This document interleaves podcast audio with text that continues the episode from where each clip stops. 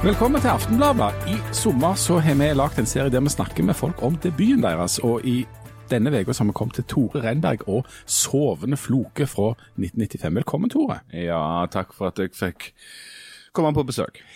Det er jo rett og slett noe jeg ikke hadde tenkt på når jeg ringte til deg, men det er jo faktisk 25-årsjubileum for din forfatterdebut, dette her. Ja, ja, det er faktisk det. Og det er jo Ja, det er Det var alt jeg ville. En dag sitte en eller annen plass og se at det, du har vært dette her i 25 år. Eller 50 år, eller hva det måtte være. Og så er det òg utrolig rart. ikke sant? Altså, det er en annen tidsalder.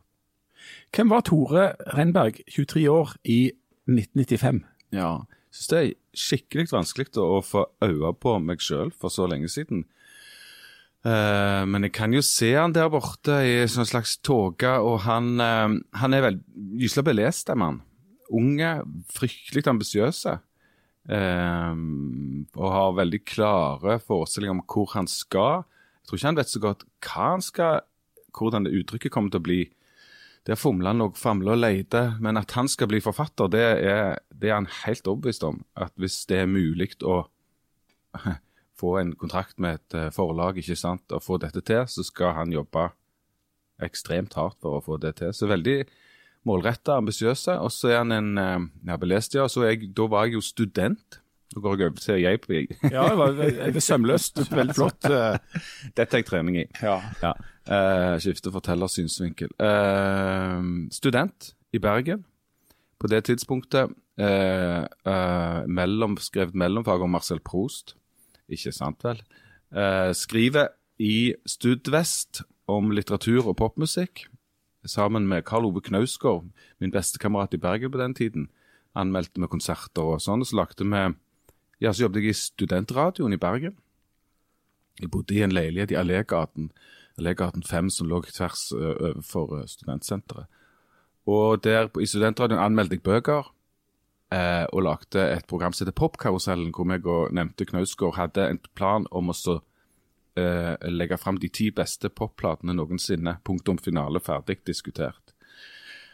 Sånne ting. Eh, veldig opptatt av alt det nye jeg hadde lært når jeg kom til Bergen.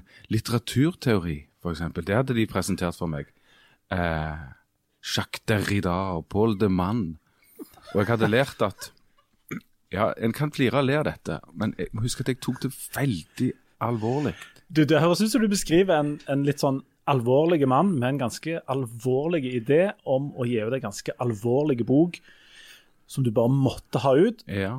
Eh, er, det, er vi noe i nærheten da? Ja, ja. altså Linn Ullmann eh, eh, roste meg for min ironi og, min, og mitt vidd og min humor da boka kom ut i, i Dagbladet. og Det ble jeg jo veldig glad for, men jeg kan faktisk huske at jeg tenkte Hæ?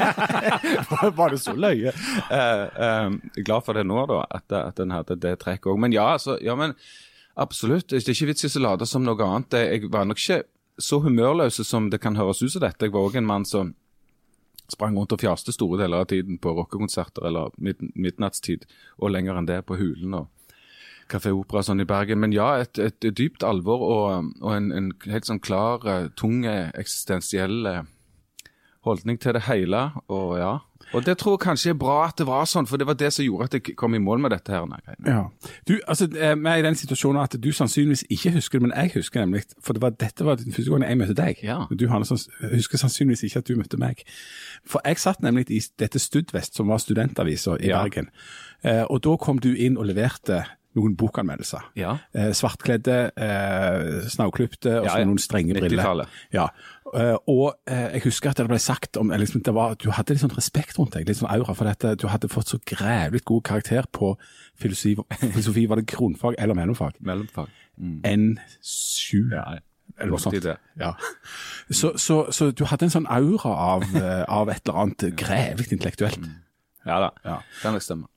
Så, så denne enormt intellektuelle, beleste, sprenglærde typen setter seg ned og eh, skriver eh, ikke bare bokanmeldelser, men skriver da ei bok. Og da valgte du altså formatet kortprosa. Eh, k- hva, Ja, ja. hva er det for noe? Soveflok er kort ei kortprosabok. Vi må bare ta en liten sveip tilbake til 1986 her. Og 87 og sånn, for det at jeg begynte å skrive veldig tidlig. Og det er jeg jo i dag skikkelig glad for, for jeg var- lenge i treningsstudio før jeg debuterte. Så, så, så skrev jeg òg dagbok på den tida. Der det var jeg 14 15 år. Og andre juledag 1986 skrev jeg mitt første dikt. Og, og, og had, fikk det for meg at jeg skulle bli forfatter. Det var en sånn bestemmelse som du kan høre om brødrene Berisha nede i Okka by. Når de bestemte seg, så sto de også Skulle du bli poet? Er det... jeg, Det er det jeg vil fram til her. Jeg skulle bli poet, ja. Leif Tore. Jeg hadde den hele og klare forestillingen om at det skulle bli. Uh, og Jeg leste Jan Erik Vold, og jeg leste Sigbjørn Obstfelder. Og jeg syntes at eh, poesien, med sin, uh, sine tvil og med sine nyanser og med sitt ja, musikalske anslag, det var der jeg skulle.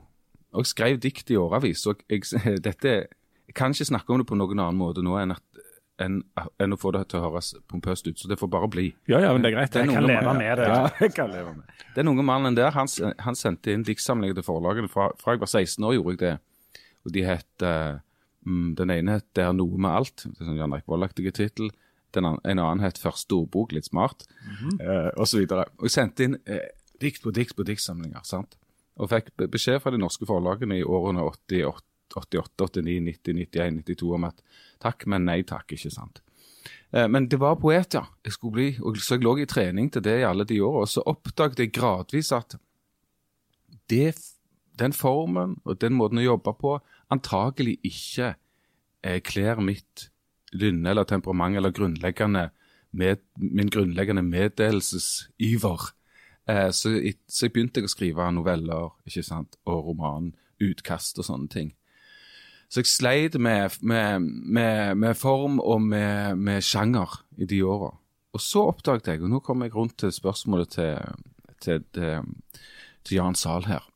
Eh, oppdaget jeg eh, på, i disse åra en, for, en form som ligger mellom diktet novellen. Kortprosa. Eller prosa, lyrikken, eller den korte prosateksten som Obstfelder nevnte, hadde skrevet litt. Jan Erik Vold var også innom det. Eh, Baudelaire, og ikke minst min store gallionsfigur og helt på den tiden, den norske forfatteren Tor Ulven, som var ja, Hva skal vi si? Altså, Nå kommer jeg med en god for, parallell her. Altså, Han Jesus. var, ja, OK. Jeg bare, bare for, bare, bare for forslag Ja, for, det han var for de kristne Det Jesus var for de kristne, var Tor Ulven for det litterære. De som aspirerte til den litterære eliten den gang, altså. Og, og, Sånn her, var her, vi må vel kunne si at de av oss som gjerne foretrekker bøker der det dør noen i løpet av de første 28 sidene, Mm. så kommer det en litt lurvete etterforsker og bruker hele boka, blir trua på livet og finner ut av det til slutt. Vi er ikke i det landskapet her. Nei. Um, Nei, absolutt ikke. Vi er i det anti det landskapet, Ja. faktisk. Men jeg, jeg syns du er veldig konsistent eh, både liksom nå og med tanke på for 25 år siden. For når du ble intervjua om denne eh, boka første gang, Og dette er spennende. så er sant? uttalte du følgende Jeg har funnet en form som jeg synes jeg kan skrive i. Den går fra to, eh, den går fra to linjer til to-tre sider. Det er eh, dette diffuse bastardrommet mellom diktet og novellen, nemlig kortprosa. En litterær uttrykksform som har en lusen tradisjon i Norge. I denne formen skriver jeg nå. Ja, men der ser du. Ja. ja, det er flott. Og så må vi si, det vi må frem til her, så for å få dette til å bli allment klingende, ingenting annet er interessant, det er det, er det unge mennesket som finner akkurat sin måte å spille på gitar på. Det er det unge mennesker som finner, finner akkurat sin måte å skrive på, og da forløses det. Og da renner det ut. Dette vil dere og alle andre se hvis du liksom går inn og studerer sånne debuter som er sånn prega av en sånn type forløsning, og som denne vesle boka eh, tross alt er. Ah, dette fungerer for meg akkurat nå. Jeg har måten min å gjøre det, på. Altså, I Keisers Orkester sin verden, eksempel, der er det oljefat og en viss inspirasjon og en viss Tom Waits, eksempel, så kjenner de pumpeorgel. Kjenner de ah, vi kan gjøre dette. Sånn er det vi skal gjøre det òg. Og dette er min vesle min, var min vesle inngang til det. Tor Ulven er det et pumpeorgel, og Jon Fosse er det et oljefat. Ja, ja. Ja, det er jo utrolig flott. Ja, ja, ja. Det var en annen sak. Du burde begynne å skrive. Ja. Men så er det jo også viktig sånn, jeg liker å historisere og kontekstualisere. Det er gøy med alle sånne ting. Altså, når du spør hvem var jeg, så må du også spørre hva tid var dette, ikke sant? Nettopp. Eh, og da er det viktig å, å være klar over at det, i hvert fall han som sitter her og snakker nå, tror ikke på noe som helst på at vi liksom bare er noen sjøllysende soler som oppstår eh, i vår helt egen verden, og så er du bare et slags geni, som, og dette kommer bare fra deg. Det er et voldsomt hos oss alle mennesker, ikke sant, trykk fra, fra verden ute, der ute, og hvordan det som du lager, det kommer fra en viss plass, og fra det klimaet du har rundt deg. Så det nevnte universitetsmiljøet, Studvest, det nevnte norske klimaet her, av, av, av den, den litterære eliten. Alt det der er med å, å trykke veldig hardt på denne unge, unge mannen som er så inntrykksvar og ikke minst sånn påvirkelige som jeg var. Altså det, det, på min sjølmelding så står det 'utsatt for påvirkning'. Det er jeg veldig klar over. Ja. Men 90-tallet var jo ironiens tider, og det var sånn her Ja. med Lille Lørdag og, Ja. og, og Irma 1000 og alt dette her. Men, men eh, det er jo alvor du gikk inn i dette med. Det, det er litt sant? Mm, ja, det har du helt rett i. Og jeg har tenkt mye på det, men da får en òg huske litt på at jeg er en uironisk vestlending på dette tidspunktet. Det er det ene. Jeg ser meg sjøl mye mer som eventuelt en humorist enn en ironiker. Og det andre er enkelt og greit at vi er på det tidlige 90-tallet.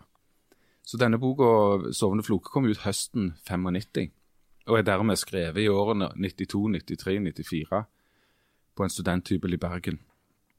Eller to eller tre. Eh, og det ironiske 90-tallet som du snakker om, Jan, det er jo egentlig litt til seine 90-tallet, Ja, kanskje det. eh, etter, etter min mening. Mens vi hei... Ah, vi hørte på Irma 1000 tidlig. ja, det gjorde vi. Og det er sant, og vi så på, satt og så på Friends så, på dagtid, så det gjorde jeg òg. Jeg konfirmerte meg, bare, bare slenge det inn der. Du var født. Jeg var født så vidt.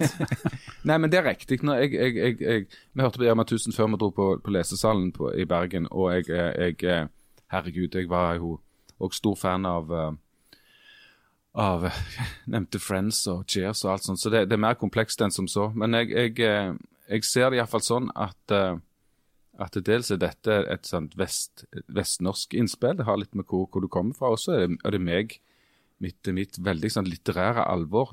Det, det skriver jeg unna på her. Jeg mente alvor. Jeg hadde lest de forfatterne jeg nevnte, og så hadde jeg òg lest veldig mye tung eh, russiske litteratur, eh, Dostojevskij og sånne ting. Altså, jeg var, jeg var jo Jeg kan ikke fordra å si det, men, men samtidig må jeg være stolt av at jeg var bråmodent når det gjelder sånne ting. ikke sant? Jeg skrev særoppgave om Dostojevskij på ungdomsskolen. Ja, sant. På ungdomsskolen. Jeg kunne ikke stave Dostojevskij. Jeg Kan fremdeles ikke stave men En gang så syntes jeg det var helt naturlig. Og jeg kunne ikke forstå liksom at læreren min så litt rart på meg eh, når jeg gjorde det. Og så når jeg, jeg kom på skolen, på Gosen skole, og så spurte Jostein Wiig, norsklæreren min, hva jeg hadde tilbrakt sommeren til å gjøre, så sa jeg Nei, jeg har jo lest fire romaner av Dostojevskij og den helt utrolig spennende biografien hans av Geir. Kjedså. Galskap. Det er Ja, galskap. Og så smilte han litt, og så hvis jeg ser tilbake på det nå, så tenkte jeg sikkert ja, greit. Eh, Men han var jo ikke sånn, han bare sa kjempebra, Tore. Ja. Go for it. Så, så han behandler meg som et individ, og det er det skoleverk skal gjøre, og ikke som en, eh, som en deltaker i en masse. For, for meg var dette naturlig, liksom. Ikke sant? Ja, og det, så jeg ser alt dette i samme strekket fram til debuten min, da. Men hvis du skal beskrive den debuten din nå da, med et eh, 25-årsperspektiv på det, hva, hva er det slags bok? For Hvis jeg skulle ha eh, forklart hva dette var, så kunne jeg ha sagt at det var kort prosa i den forstand at det er noen tekster som er veldig korte, og så er det noen som er bitte litt lenger. Men utover det så er det ikke så lett at du er veldig glad i komma. Ja, han er, han er Men hva er det for noe, liksom? Han er eh, eh, eh, i ganske liten grad fortellende narrativet episk. ikke sant? Det er to-tre tekster der som strekker seg ganske, som nærmer seg novellen, som har situasjoner og, og, og som har eh, relasjoner mellom folk, og som nærmer seg det som du kan si fortellende episke litteraturen, som jeg ble seinere. Eh, alt, eh, alt jeg holder på med. Jeg, jeg syns det, det er et sånt eh, et portrett av en identitet, av en, av en, eh, av en unge, om, mm, flakkende, nysgjerrige identitet som forsøker å forstå hvor er jeg henne, hvem er jeg, hva er liksom komponenter er det som har bygd meg opp i verden, og som er veldig sånn nærsynt granskende på kroppen sin, stirrer på sine egne negler og prøver å forstå hva dette her er som driver og klippes av og vokser på meg. Uh, forsøker å forstå uh, de, helt sånn basale ting i, i, i kroppen og identiteten. Og det, det var ganske Hva skal vi si? Altså tidsriktig den gang. Det er nok en ganske postmoderne tekst. Uh, For post, postmodernismen var inn på litteraturstudiet. Kolossalt uh, sterkt til stede i hele kulturen vår den gangen, og i litteraturstudiet også. Så den, den boka har uh, innenfor dette segmentet, så den jo tross alt kom fra og henvendte seg til. Som du, Leif Tore, sa, dette er jo ikke en bok som aspirerer til verken masselesning eller de som, som uh, leser den litteraturen som du snakket om, ikke sant. Men innenfor dette segmentet. De som er over gjennomsnittet litterært interesserte. Så, så, disse byene til folk har jo folk har litt ulike ambisjoner med det. For noen, mm. det, altså, for noen er det så enkelt som at de har lyst til å selge masse bøker. Eh, noen vil at eh, flest mulig skal høre på platene deres og komme på konsertene deres.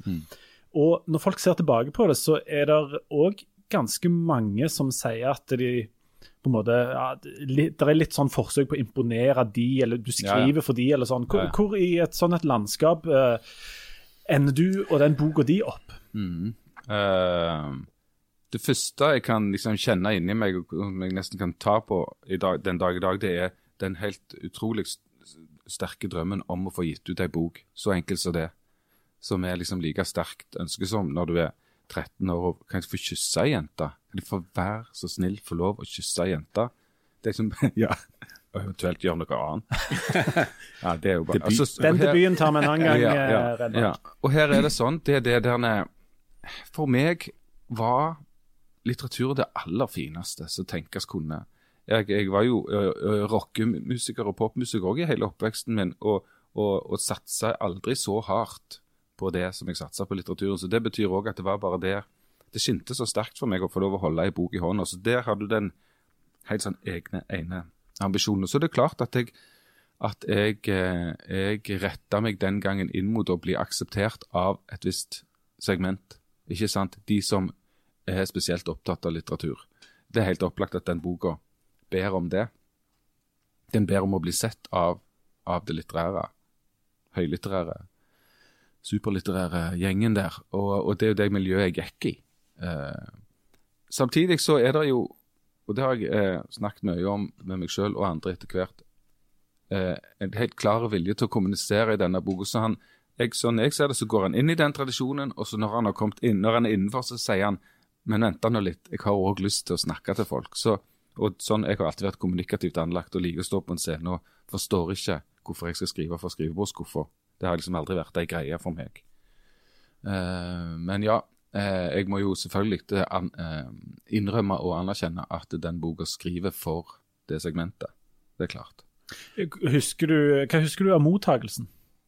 Nei, jeg var, Var det, var det, la folk palmegreiner foran deg når du rei inn på, på møtene i På eselet. Vagant, eller jeg vet ikke Ja. hvor, hvor eh, Ja, nei, ja jeg, var, jeg var med i redaksjonen i Vagant på den tiden. Altså når jeg, Det kan jeg bare nevne da, at når jeg fikk telefon fra Oslo i, i, på, i vinteren 1995 av Geir Gulliksen ved Tiden Norsk Forlag, som sa at han hadde lest denne boka, det kunne, det kunne, det, dette manuset, det kunne bli bok, så første hjernen min gjorde da, det var å si ja, OK, jeg må flytte fra Bergen og dra til Oslo. Altså Hjernen min foretok det spranget. Som man tidligere hadde foretatt spranget. Ja, OK, jeg må flytte fra Stavanger og dra til Bergen. Så den bare, den bare automatisk sa at det går ikke an å være forfatter noe annet sted i landet enn i Oslo. Det er også veldig sånn, det er sånn det er litt, litt lattervekkende og mye sånt, men det òg eh, Det har noe med det ambisjonsnivået å gjøre. Han fyren der, han unge mannen der, han har forstått en del ting som handler om altså, OK, da må jeg inn der. Da må jeg inn der og leke med den gjengen, hvis jeg skal opp på det nivået. Ja, eh, men altså eh, Mottakelsen eh, Jeg var, var veldig heldig eh, den høsten, og, og i, i høsten 1995 når boka kom ut. Altså, jeg ble godt mottatt overalt. Fikk ikke en eneste dårlig anmeldelse. Fikk kanskje noen som, eh, som var litt sånn halvveis indifferente, men ingen dårlige. Og så ble jeg først og fremst sett av akkurat de som vi nettopp snakket om. Altså eh, folk så, folk som skrev i Vinduet og Vagant og, og eh, Klassekampen, Morgenblad og sånne. Og Dagbladet, som den, og det er helt utrolig å si i dag, altså Dagbladet var jo i 1995 ekstremt viktige, Jan. Det husker du godt. Ja. Det var kulturaviser. Ja. Eh, Kulturradikalenes avis. og Det var ikke pornoaviser som det er i dag. ikke sant? Så det at jeg fikk en stor helsides anmeldelse i dag, Dagbladet eh, Av Linn Ullmann. Linn Ullmann den, Ja. Som den gang var ikke forfatter, men kritiker, og den store unge kvinnelige kritikeren, det var Da ble det, da ble det å hviske. Sånn, sånn er det. Men- Da ble det litterære miljøet med en gang. Hva er det som foregår der med Stavanger-fyren der? Hva er det som foregår nå? Men jeg fikk ikke noe palmer, jeg fikk ikke noe jubel, jeg fikk ingen sånn panegyrikk. Og det tror jeg er, det vil du alltid ha, men det er ettertid eh, eh, bra ting å tenke på. De du gikk på ungdomsskolen med, kom de bort og sa 'jævla bra bok, Tora'? Nei. Nei. Men altså, Nei. ifra, Hørte du noe liksom ifra det jevnlag og, og tanter og onkler og Nei, Ellers- det, det har jeg med, far, med far for å fornærme noen som nå sitter der ute og sier søren, så husker han ikke det, den arrogante idioten. Så har jeg ikke noen bestemt følelse av at det var fra den kanten det, det skjedde. Jeg fikk vel anerkjenne den gikk, og, og mor mi og, og mormor og sånn var jo fryktelig stolte. Men det var liksom ikke der det lå. Men, og det var ikke de du sikta på heller? Og de sikta jeg Nei. Nei, Ja. Ikke der. Ikke der. Det, det skjedde noen år seinere. Ja, Men ja, eh, for det virker som altså, sånn forventninger. No, noen har forventninger om at nå gir jeg ut denne her, nå skal det store skje. Nå kommer verden på noe til å stoppe, og, og folk kommer til å oppdage meg. Eller noen gir det ut, og ja ja. For, altså. Men det virker som du hadde en ganske sånn spesifikk og smal målgruppe, og, og at du eh, at, at en del av det som du hadde håpet skulle skje, skjedde da. Ja. Altså, det er sånn jeg forstår det i dag, og så kjenner jeg inni meg at nå, jeg driver med historiefortelling om min egen fortid, og det er det vi gjør. Vi er jo ikke inni Vi, er, forlater vår egen fortid. Det er aldri Vi har aldri tilgang til vårt indre igjen, ikke sant? Men eh, jeg tror det er for en, del, for en stor del rett. Og så hadde jeg et Samtidig vet jeg at jeg hadde et sånn ubehag inni meg, fordi jeg òg kom fra den episke, store litteraturen. Jeg hadde òg Ikke sant? Når jeg begynte å lese, det var Kielland og og Dostojevskij sånn store brettanlagte fortellinger. Så ganske fort begynte jo dette å bli, bli ubehagelig. Men enn så lenge, akkurat her, 1995, ja. Og så fikk jeg Tarjei Vesaas debutantpris våren 96. Og da var det jo helt opplagt for meg at eh, jeg hadde ringt på ei dør, og den var blitt lukket opp. Og for de som ikke er inne i Tarjei Vesaas debutantpris, så kan det sies opplyses som at det er en ganske fornem pris. Den har f.eks. Roy Jacobsen og eh, Lars Roby Christensen og Jan Erik Ja. Vold og sånne folk fått. Så du, du, du, du er inne i et voldsomt godt selskap der. Og et bevis på at eh, du kan sette forfatter på visittkortet for, for Ja. alvor. Ja, ja. Og, og, og det ville jo jeg, jeg eh, Du har jo liksom eh, folk som gir ut ei bok, og du har folk som spiller ned plater plate og sånne ting. Så har du de som har bestemt seg for at hvis det er mulig, så skal jeg holde på med dette resten av livet. Du var ganske stor i kjeften allerede da. Var det? Du var det. det. beklager jeg så mye. Igjen, i det første intervjuet du ga, så erklærte du at det ble gitt ut så mange dårlige bøker i Norge, og det ikke tjener forfattere som vil gi ut, det tjener ikke leserne, og det tjener i hvert fall ikke litteraturen. Ja. Nå kan det kanskje virke rart av en som ikke har gitt ut ei bok engang, å sitte her og fyre løs, men dette er viktig å få sagt. Ja, det er det kan vi kalle stort i kjeften, eller så kan vi kalle det bare sånn en nøktern beskrivelse av, av, Realitetene. av, realiteter. Og så, så det tror jeg at eh, jeg tror jeg velger å se på det sånn at det er en, det er en faktaopplysning. Og så Siden han er klar over at det- han er svær i kjeften han så sier det, syns jeg egentlig er OK. Og det er noe sånn som en må klare å si høyt både den gang, kanskje òg i dag. ikke sant? Det, og det, det er forlagene sitt ansvar å så regulere det, sånn at det ikke vi oversvømmer et, et marked. Så, men, men ja, altså. Det er noe av det som jeg har vanskeligst for. Nå er jeg 47 år blitt. Og uh, um, Noe av det som er vanskeligst for å se tilbake på med, med, med min egen ungdomstid og den tidlige studietida, det er jo den unge mannens uh, patent på vedet og, og sjøllysende framferd der som på én side er så grævla teit. Det. Det, er så utrolig håpløst. Og så er det samtidig sånn, vi får jo bare anerkjenne at sånn er unge. Men er ikke det den eneste måten å få debutert på? Nei, det er ikke det. på måter Ja, ja. Nei, det er ikke det, altså. Du, du kan ta eh, Nei, det er jo ikke det. Uh, uh, jeg, tror ikke, jeg tror ikke vi kan si at Øyvind Rimbereid, for å ta en mann fra vår by, debuterte på samme måte, eller, eller, eller Erik Lodén, og en annen glimrende forfatter fra vår by. Så, så det er noen av oss, og jeg har vært en av de, og så får jeg bare liksom får bare godta det at jeg, jeg, det var, jeg kledd Av og til tenker jeg at vi, vi går inn i dette livet, så blir vi sånn Vi blir noen karakterer, og de er, de er, de er kjente på forhånd. Og så ble, du ble han, og jeg ble på en måte dessverre han i en del sammenhenger. Og det, det har jeg eh, vansker med å, takle av og til. Samtidig så jeg tenker at det har jo fått meg framover på meg og hesten min framover i terrenget.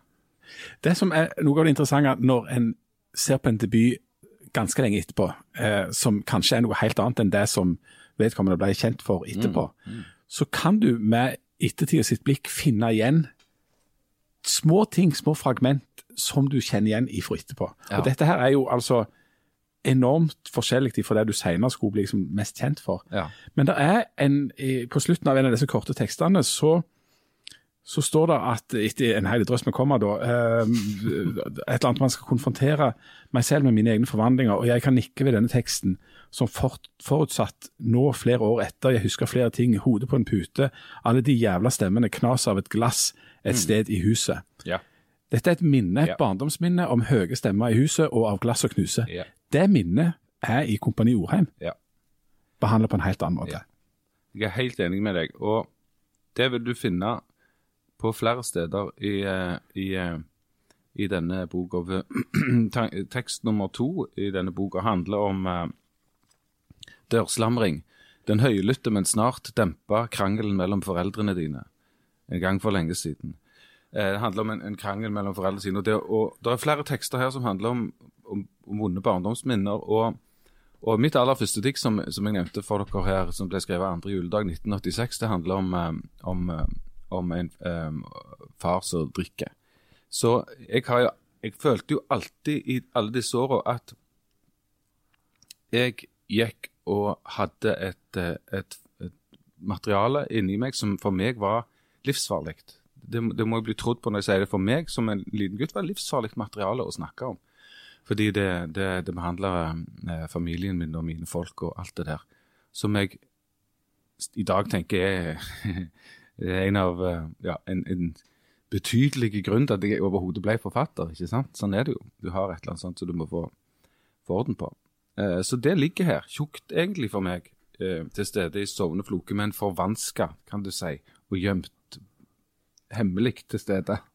Eh, så jeg mener det er helt riktig sett av deg, og, og, og, eh, og så tok det da ganske mange år før jeg vågte. Og skrive det direkte. For dette kom i ganske mye mer direkte form Ja, ja. i de senere bøkene dine. ikke sant? Helt riktig. Sånn, Også, sånn. ja, ja, for der skjer, der skjer jo et brudd. For at, debuten er òg interessant i at en har lært noe av det som kan få en konsekvens for det som en gjør senere. At en gjør noe annerledes kanskje eh, senere. Mm, For eksempel Keisers Orkester debuterte jo med plata 'Mys' av bandet Gnom, eh, som var det uforløst av det. Det var der de ikke fikk til det de hadde lyst til at det skulle bli. sant? Og derfor så ble det det andre etterpå.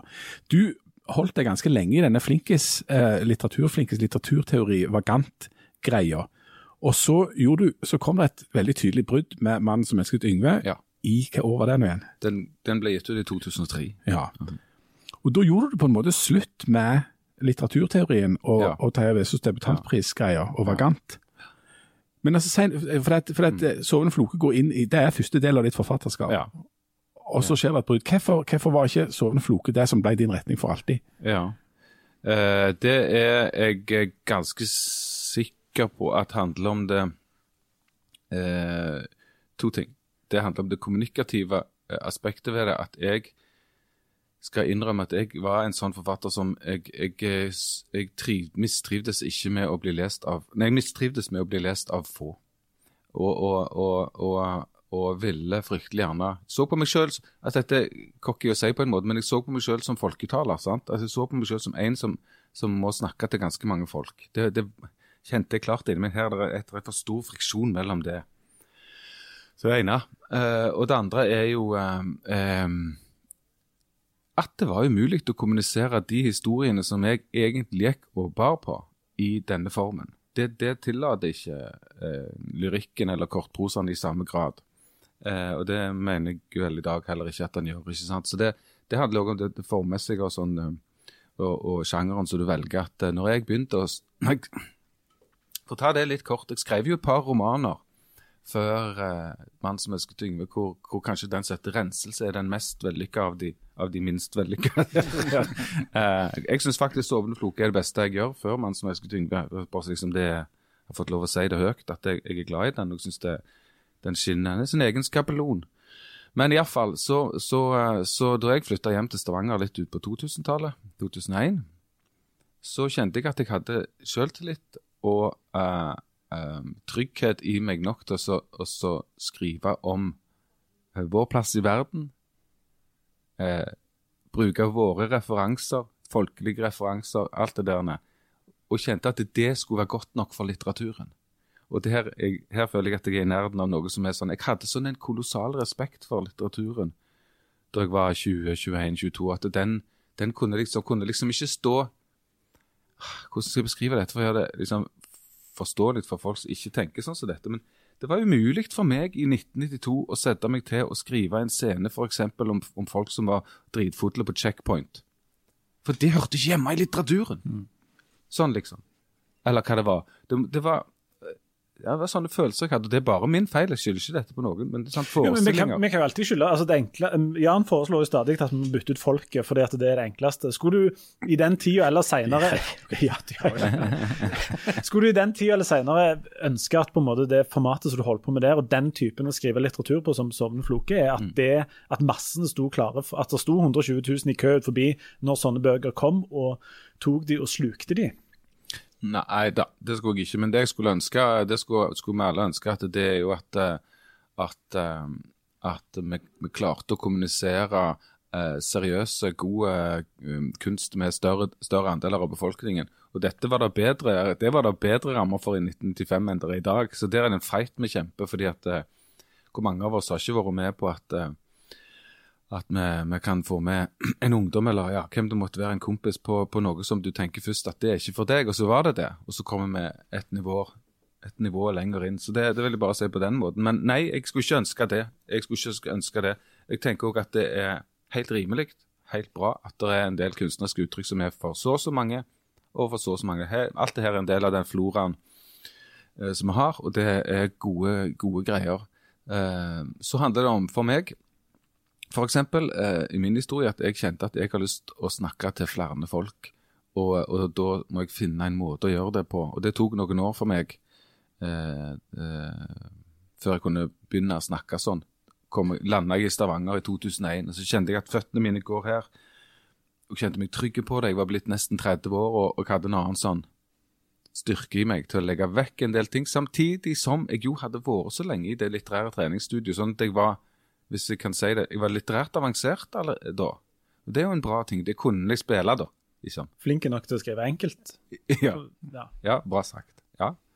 Må du, kunne, du må ha skrevet smart for å kunne skrive bredt på et vis. Altså, det, det er et treningsstudio. For meg, var det, for meg er iallfall det. Og det, i dag så ser jeg tilbake på, at, på dette som en sånn en ikke så veldig dumme eh, læringskurve. Det er ikke så, det er ikke så jeg vil, jeg vil anbefale alle unge mennesker som aspirerer til å bli forfattere Altså ikke Du kan aspirere til å få gitt ut ei bok, men hvis du, liksom, hvis du vil bli forfatter og holde på med dette lenge, så må du jo ha, kunne ganske mye om dette. her. Så vil jeg anbefale deg å lese som et hekkan og, og, og, og måle, måle seg opp mot de aller, aller beste. Men den du var da, eller de som du holdt deg med da, Mm.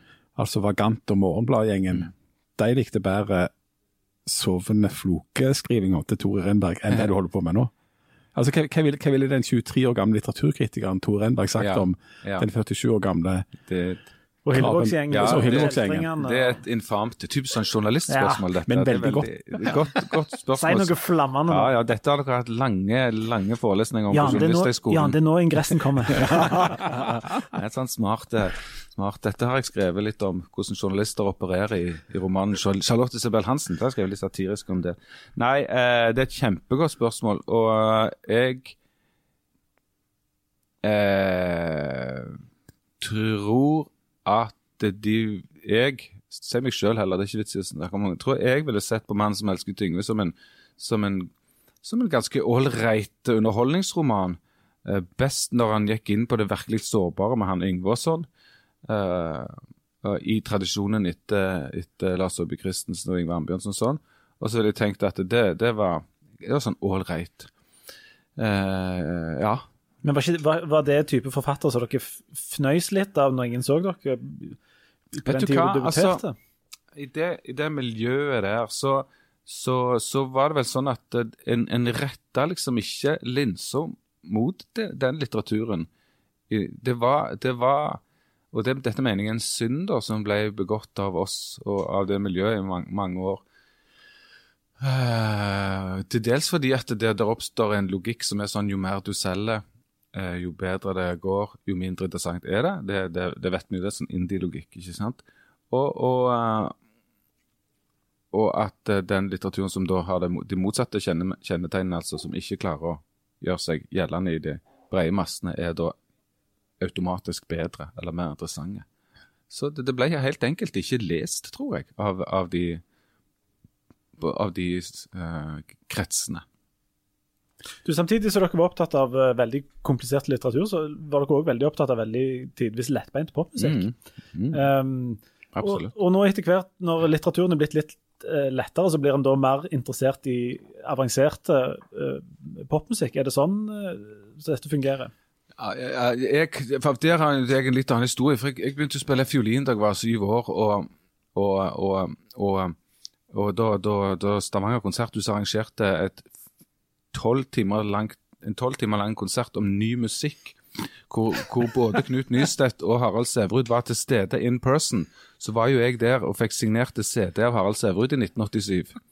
Så, så, min historie er liksom ikke helt sånn. Samtidig som jeg satt hjemme og hadde lånt eh, notebok med Billy Bragg sine, sine, sanger på Stavanger bibliotek og lærte meg å spille 'Greetings to the New Brunette' på, på gitar. Så så for meg har, har, kunstmusikken for å kalle det det, og popmusikken den har gått hånd i hånd.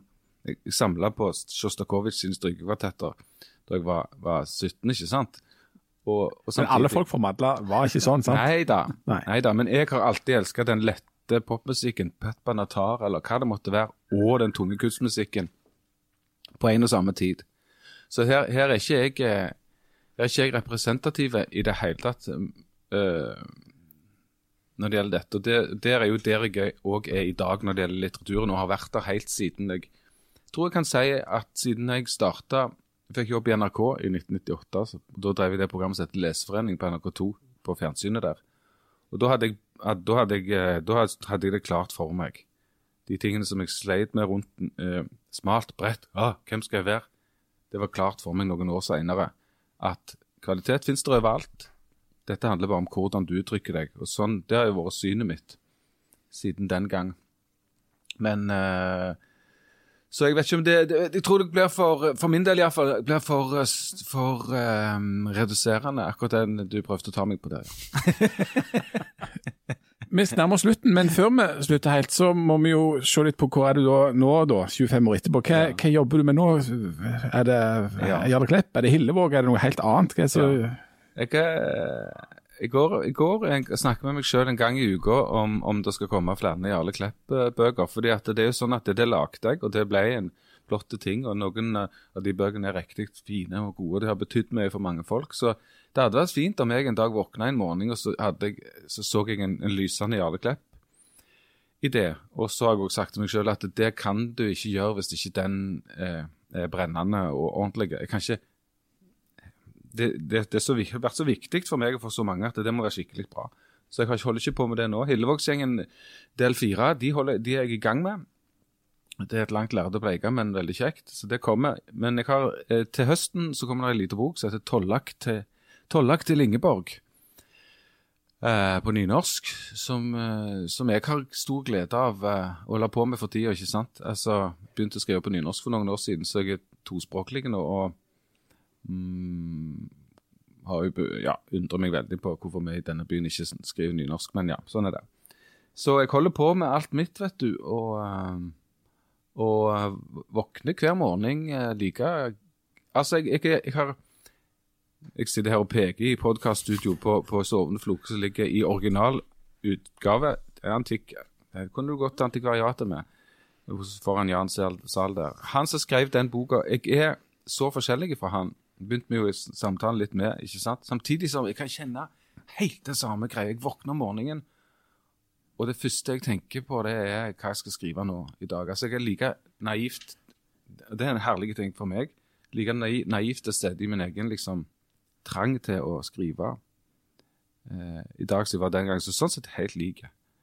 Forhåpentligvis litt ulike på Kunne du ha våkna opp en dag og skrevet 'Sovende floke' nå? Nei, helt umulig. Jeg et, eh, jeg har et litt vondt, vondt, forhold til akkurat det. Som, som eh, Du vet, det er mange Hvis du har gjort en, en det, det, Jeg elsker bok, 'Den sovende floke'. blant, blant de, Den har sånne fans som er helt de er, ikke, de er ikke så mange, da, men de er skikkelig sterke. Helt fantastiske gjeng. Og de kommer gjerne til meg og sånn 'Du må skrive sånn igjen'. Og så Det de ikke forstår, det er at det, det skulle vært Men det kan jeg ikke. Og det er akkurat som når du sier til, til, til mange, mange som syns at Spesielt i rockemusikken, for der er jo alltid de tre første platene best. Det er jo bare sånn det er, av en eller annen grunn. Mens forfattere, heldigvis for meg, blir best når de er 57 år. eh, ja. Det lager du greier? Er det 57, ja? Ja, det er 57-58. Ja. Men, men så, så, sier jo veldig mange å, kan du ikke lage den plata igjen? ikke sant? For det, det skintes Morten Abel, kan du ikke lage uh, Vi tok alltid alene nå i dag. Og selvfølgelig kan ikke han det, men, men det er jo ditt, det begjæret ditt at du skulle ønske at, du, at uh, han eller hun som du er så glad i, skulle gjort det. Og jeg kan ikke det. Jeg har, av, av og til så satt meg ned som en sånn idiot, voksen idiot og så prøvde å skrive noe, noe kort prosa igjen. Nei, Det går ikke. helt, helt umulig. Helt umulig. Det er, um, det er i hvert fall eh, det er interessant å lese den boka igjen. Jeg fikk eh, jeg fortalte noen at jeg ja, hva, skulle fortelle hva jeg holdt på med, så jeg holdt på å lese debuten til Tore Enberg. Eh, å uh, oh ja, hva handler den om? Og da måtte jeg bare si du må nesten bare lese den sjøl, tror jeg.